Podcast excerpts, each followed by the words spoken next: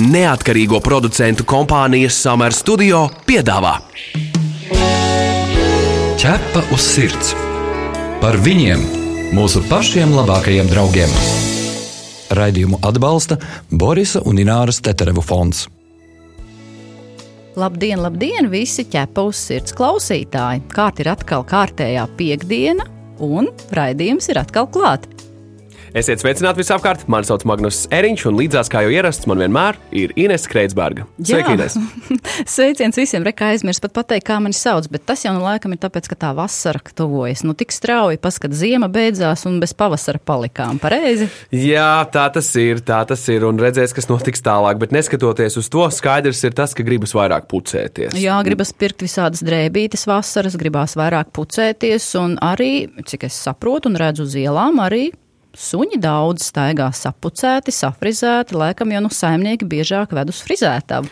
Jā, jā, redz, Tev jāpaklausās būs pavisam uzmanīgi tiem cilvēkiem, kuriem ir mājdzīvnieki, kurus mēdzam vest uz frizētavām, ar kuriem uz frizētavu ne tikai skaistuma dēļ dodamies, bet arī veselības dēļ, lai karstumā būtu vieglāka dzīvošana. Jā, un dažkārt ir tā, ka, piemēram, meitenes pat bieži iet uz frizētavu un sabojās savus matus, ka tie lūst un bojājas, bet izrādās tas pats var arī notiek ar suņiem. Ja pārāk bieži viņus ved frizēties, arī iespējams viņiem spalva var tikt arī sabojāta. Bet to mēs šodien skaidrosim, vai tas tā ir vai tas tā nav. Un kas mums šodien ir studijā? Šodien mums ir daudz viesi, un daži no tiem četrkājaini.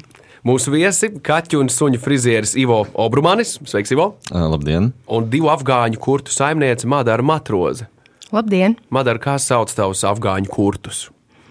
Brālīši sauc viens ir Nataračs, un otrs sauc Nīlakanta. Sapucēti, saprizēti, ļoti skaisti. Mums te stāv, un viens guļ, viens stāv, nu kā bildes īstas.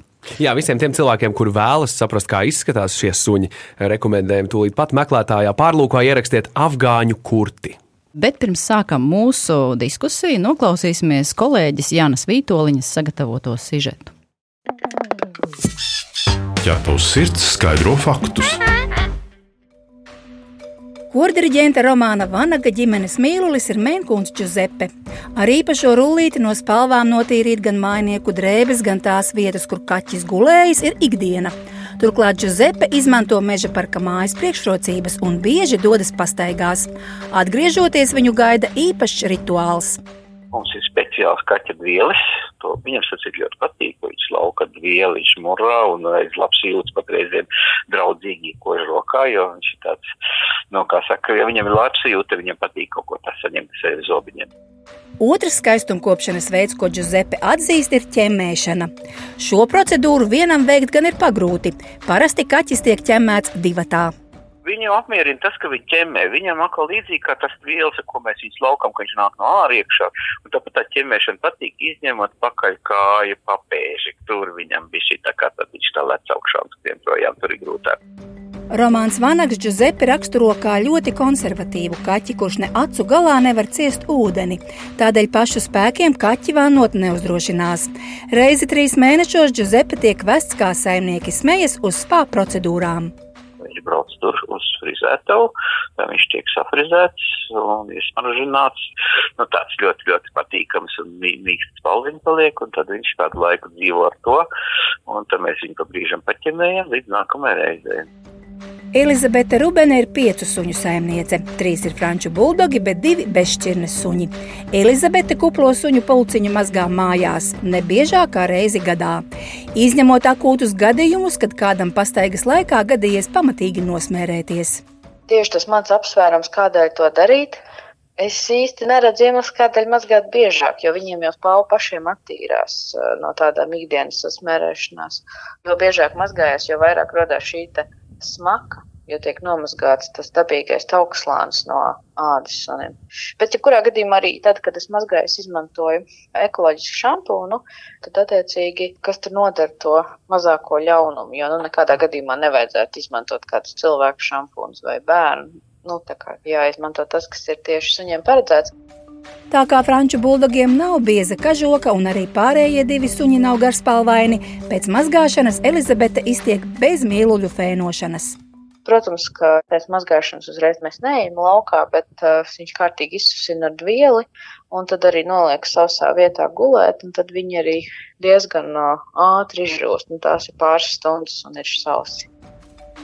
Jāņa Jekševica mājās jau astoņus gadus dzīvo skotu nokara no ausu kaķis Picis.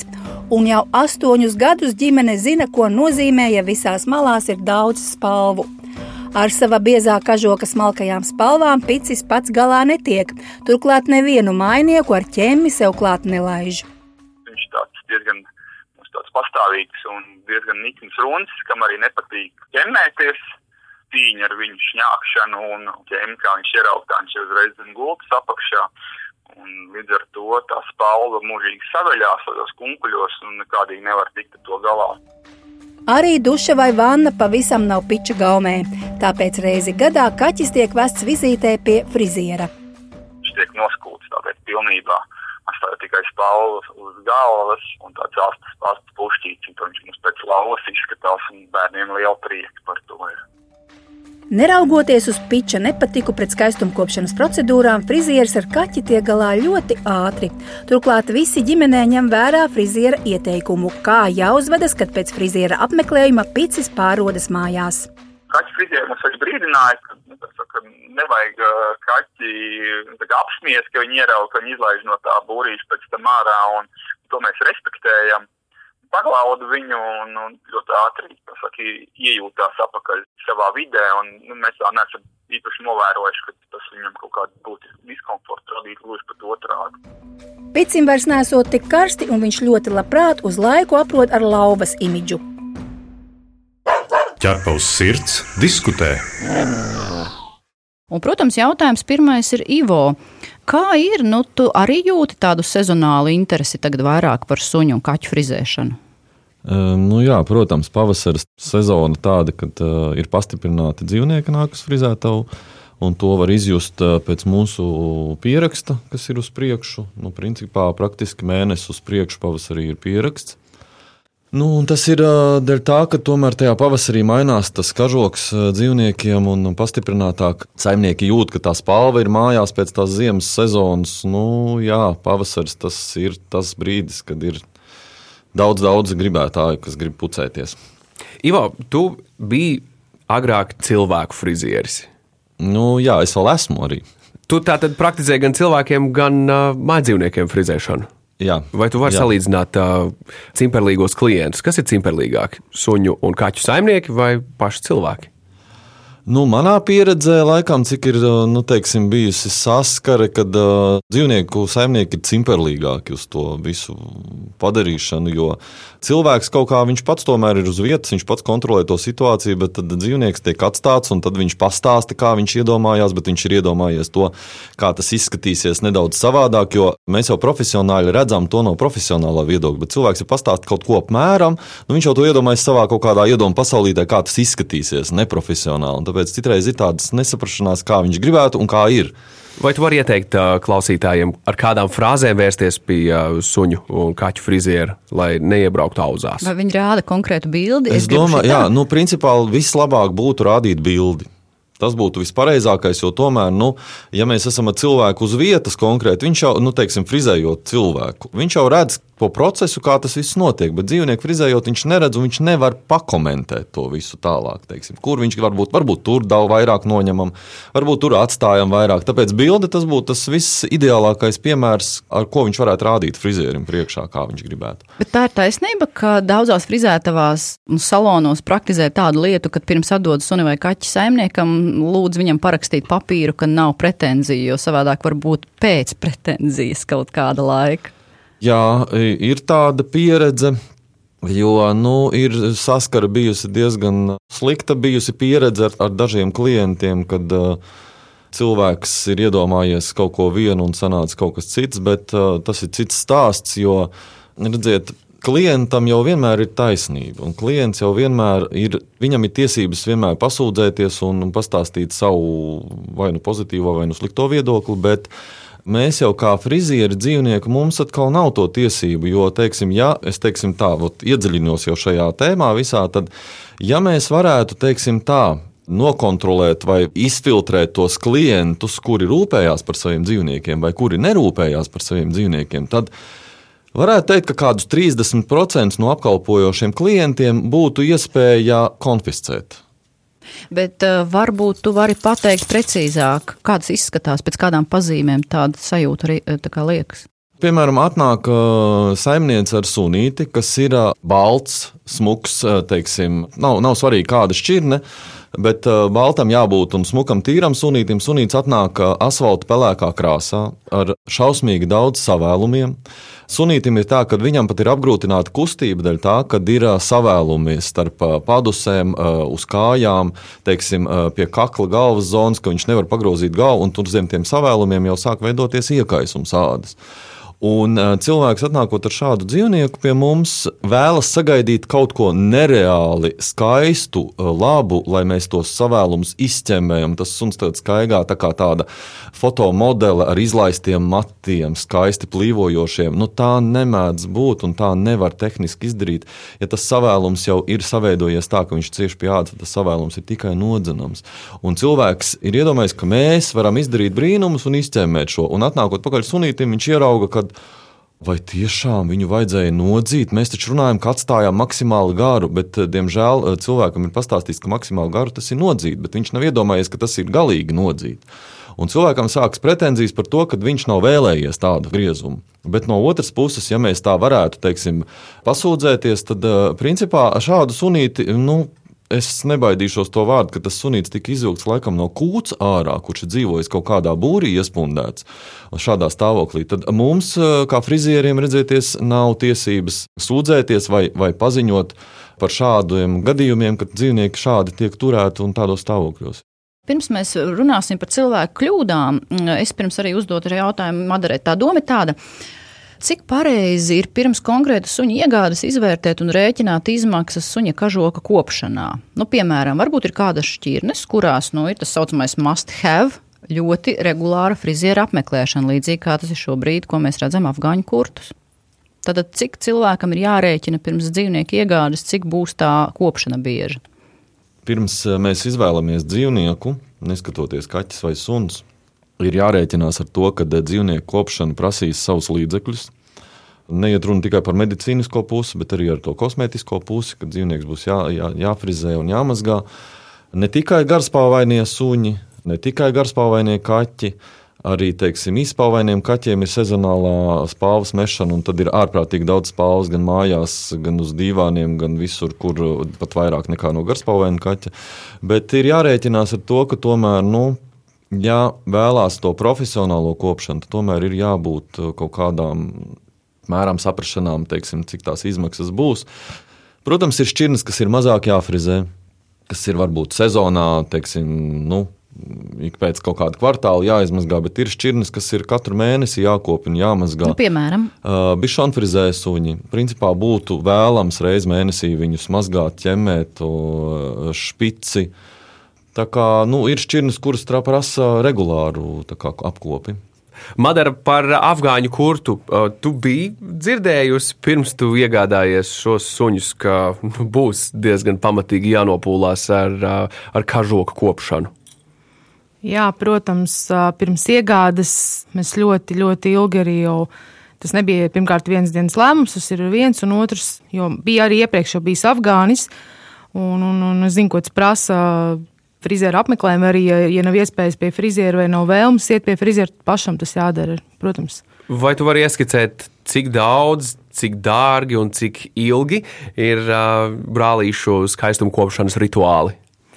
Brālīšu skaistuma kopšanas rituāli, teiksim tā, nu, es pat esmu arī mācījusies nedaudz, bet esmu par grūmeri. Un tikai priekš savām vajadzībām, protams, viens suns man paņem. Suns, un tad tu dabūji mācīties par grūmeri, ja? Jā, tieši tā arī ir. Bet tas ir priekš sevis. Tas nav. Es nu, kā tik nepiedāvāju pakalpojumu tur citiem suņu saimniekiem vai kaķu. Bet, jā. nu, lūk, un viena brālīte man sanāk, kā teikt, jārēķina uz stundām, aptuveni 4 stundas. Tas ir sākot ar izmazgāšanu, beidzot ar visu izžāvēšanu, izķemmēšanu. Vēl ir vajag tur kaut ko. Bet, ja tos frizētā viesi, cik maksā viens brālītis sakopt? Uh, viens brālītis frizētavā, tas man liekas arī visur diezgan līdzīgi, ir tās cenas ir 100 eiro. 100 oh. plus mīnus. Un saka, ko dara otrs brālītis? Nu, piemēram, uh, Nīla Kanta, tad, kad nātraģis tiek uh, šādi frizēts un apkopts mājās. Nu, viņi jau zina, viņi ir tik to visu ļoti novērojuši gadiem.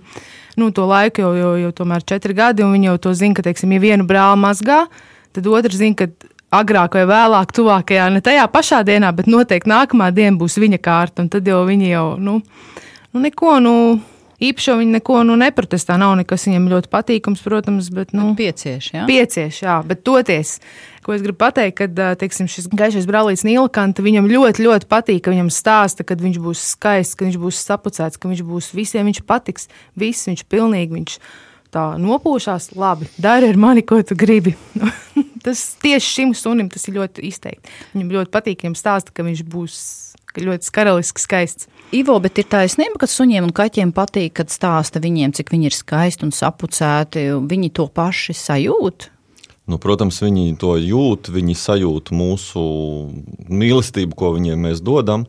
Bet es varētu Madarai piekrist par to, ka um, gan suņi, gan kaķi saprot to, kad viņi ir sapucēti.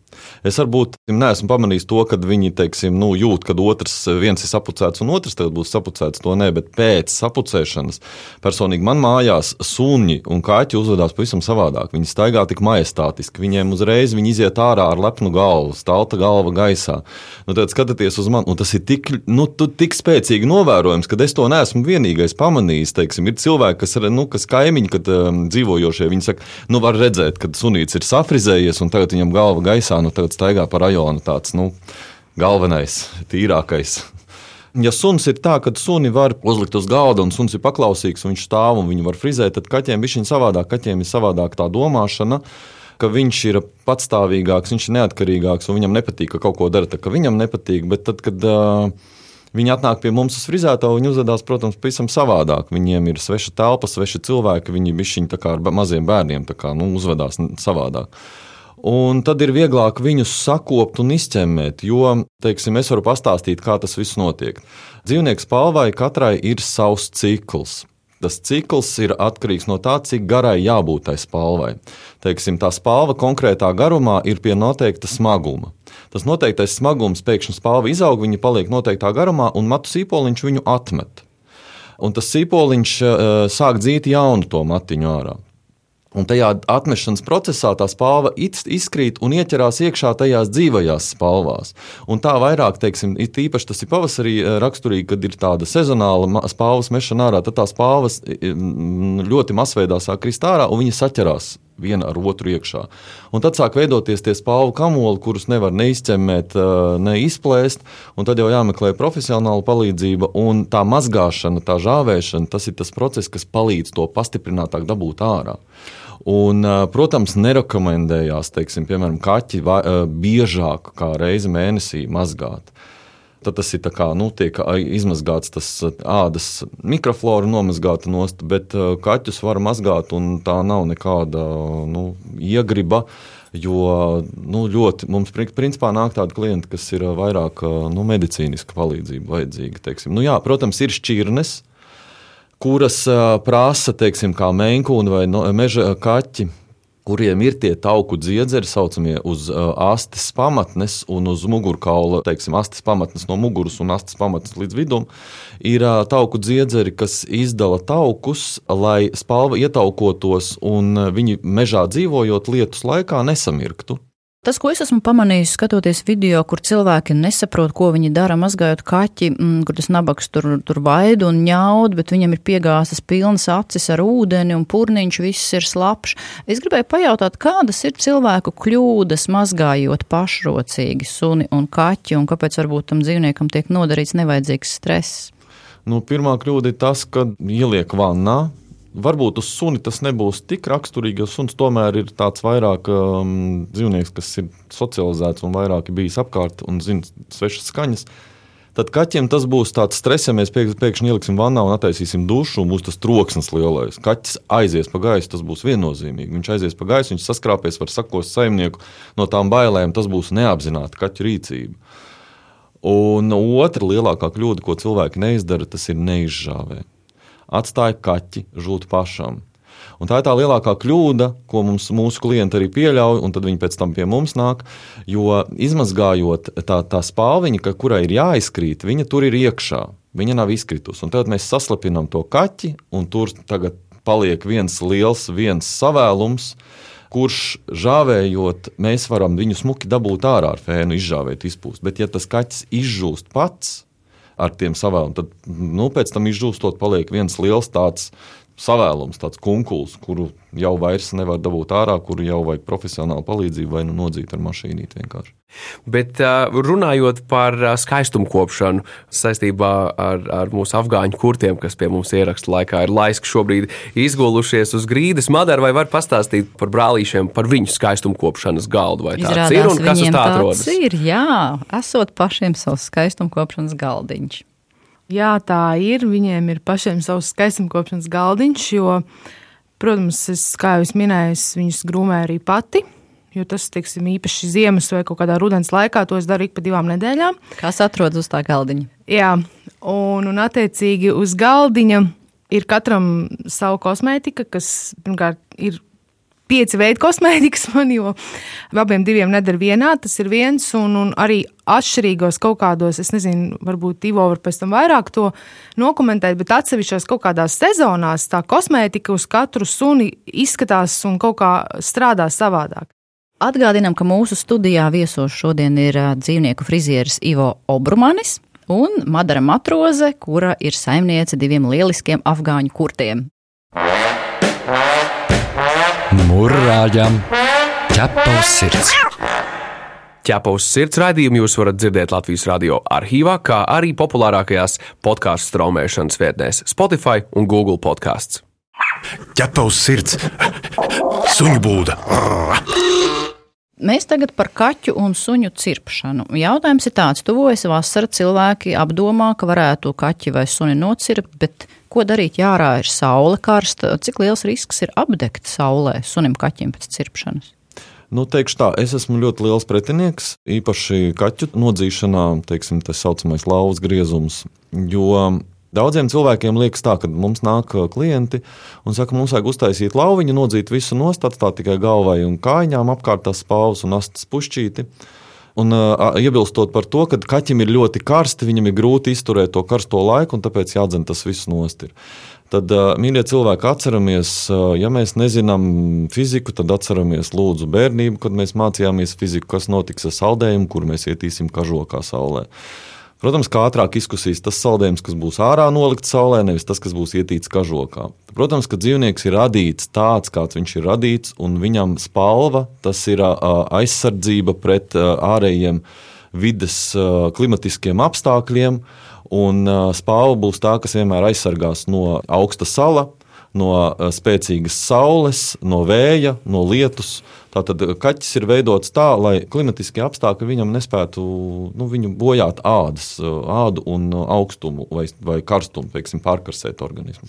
Ivo, dzirdot tavu pieredzi, es nevaru neuzdot tev jautājumu par klientu trakākajām vēlmēm, ko viņi ir vēlējušies veikt saviem maidzīvniekiem, vai var atcerēties kādu no šiem gadījumiem? Bija manā pieredzē tāda ļoti traki kaut kādas vēlmes. Nu, tās vēlmes, tas, kad nu, nodzīt to spāvu, kad viņi nesaprot, ka pilna māja ar spāvām ir ārprāts. Man ir kaķis guļus divānā, un tur pieceļās paliek spalvas no viņa. Nu, tad es esmu prasījis, nu, bet, vai tiešām jūs domājat, ka dzīvnieks nemetīs spalvu, vai domājat, ka tiešām nebūs nu, nevienas spalviņas mājās. Bet viens kurjos, kas man nāk prātā, to es gan neaizmirsīšu, un to es atcerēšos ilgi. Uh, Atnāca klienti ar kaķīti, paprasīja, lai kaķīti mēs sakopjam, izķemmējam, izmazgājam. Kaķis bija diezgan sliktā stāvoklī. Viņš tika izmazgāts, izķemmēts, izfēnots, uztaisīts nu, tā, ka viņš varēja iet pilnīgi uz izstādi. Spalviņa pie spalviņas bija. Mēs paši skatījāmies un priecājāmies. Un ienāk tā, tā klienta iekšā, skatās savu kaķīti. Viņš saka, viņi saka, vai tiešām viņš tāds izskatīsies? Mēs sakām, nu kā, nu, mēs nesapratām no sākuma, vai tiešām kaut kas nepatīk. Viņu tak vajadzētu nodzīt, priekš kam viņam tāda kupla spalva. Un tad, protams, kliente vēlējās to kaķīti pēc tam noskūt pēc tās mazgāšanas. Un tas bija tas lielākais šoks mums, kad viņa nesaprata, vai mēs nesapratām, ko viņa no mums gribēja. Un galu galā mēs to kaķi smuki, skaistu izmazgāto, pēc tam nodzinām ar mašīnīti. Bet, starp citu, uzreiz te vietā, manuprāt, jautājums, cik procentuāli nu, taviem klientiem vai cilvēkiem, kas atnāk ar līdzīgām varbūt, reakcijām, tu, tu varbūt padomā, ka viņiem nemaz nevajadzētu dzīvnieku? Jā, nu, tie ir 30% dzīvnieki, kurus varbūt, varbūt, ja es tā bišķiņu padomāju vairāk, tad varbūt arī varētu būt vairāk tie procenti, tie klienti, kuriem tiešām nebūtu vajadzīgi tie dzīvnieki mājās. Jo iedomājieties, ja atnāk klients ar mēnkūnu, kur ir nopircis skaistu, lielu, nu, ar ciltsakstiem dišķiltīgu no čempioniem mēnkūnu, un viņš tādu atved uz frizētu un pasaka, nodzeniet man to spāvu nost, pavisam, jo man mājās pilns ir spāva, es negribu spāvu.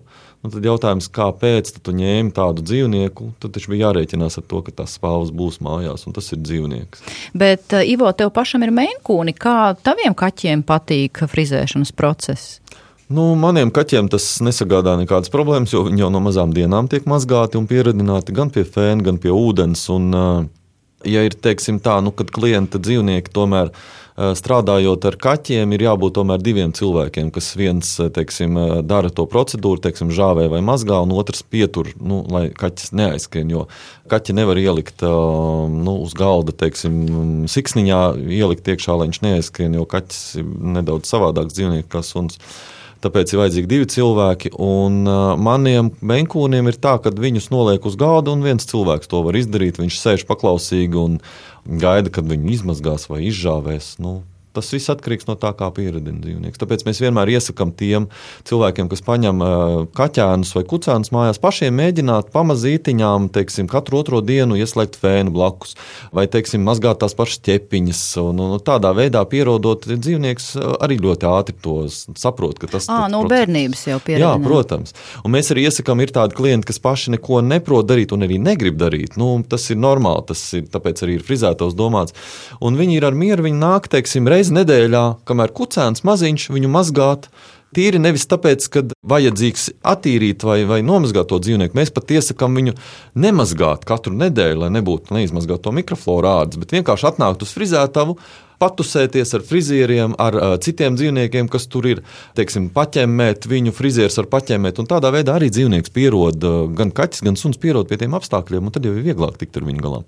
Radījuma noslēgumā tomēr gribētos tādu jautājumu. Tev tagad ir liela auditorija, ko uzrunāt suņu, kaķu saimniekus. Varbūt tev ir kas tāds, ko tu noteikti viņiem gribētu pateikt, ko varbūt tās tu katru reizi frizējot suni kaķi domā, nu kāpēc cilvēki to nezina, vai nu, tev ir iespēja pateikt varbūt tās.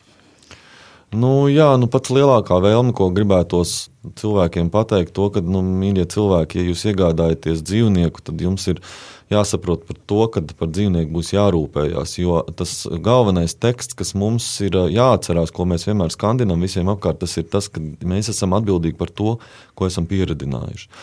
Un mums būtu jābūt atbildīgiem par to, kādā stāvoklī ir mūsu dzīvnieki, kā viņi izskatās, un tas, ka par dzīvnieku būs jārūpējas. Un, ja jums liekas, ka no dzīvnieka varētu būt spalvas, tad jā, viņas būs tās spalvas, tātad neņemiet dzīvnieku. Un īpaši tagad, Covid laikā, ļoti liela spēcīga um, tendence uz dzīvniekiem, kad visi grib dzīvnieku uz dzīvnieku, bet viņi ne, neaizdomājās par to, kādas būs blakus lietas tam dzīvniekam mājās. Un tad, kad tiklīdz parādās pirmās eh, problēmas vai pirmās grūtības ar kaut kādām spalvām vai kaut kādu audzināšanu, tā uzreiz ir tāds pretgrūdiens, ka nē, man jau nevajag to dzīvnieku un vispār man vajadzētu tikt no viņa vaļā.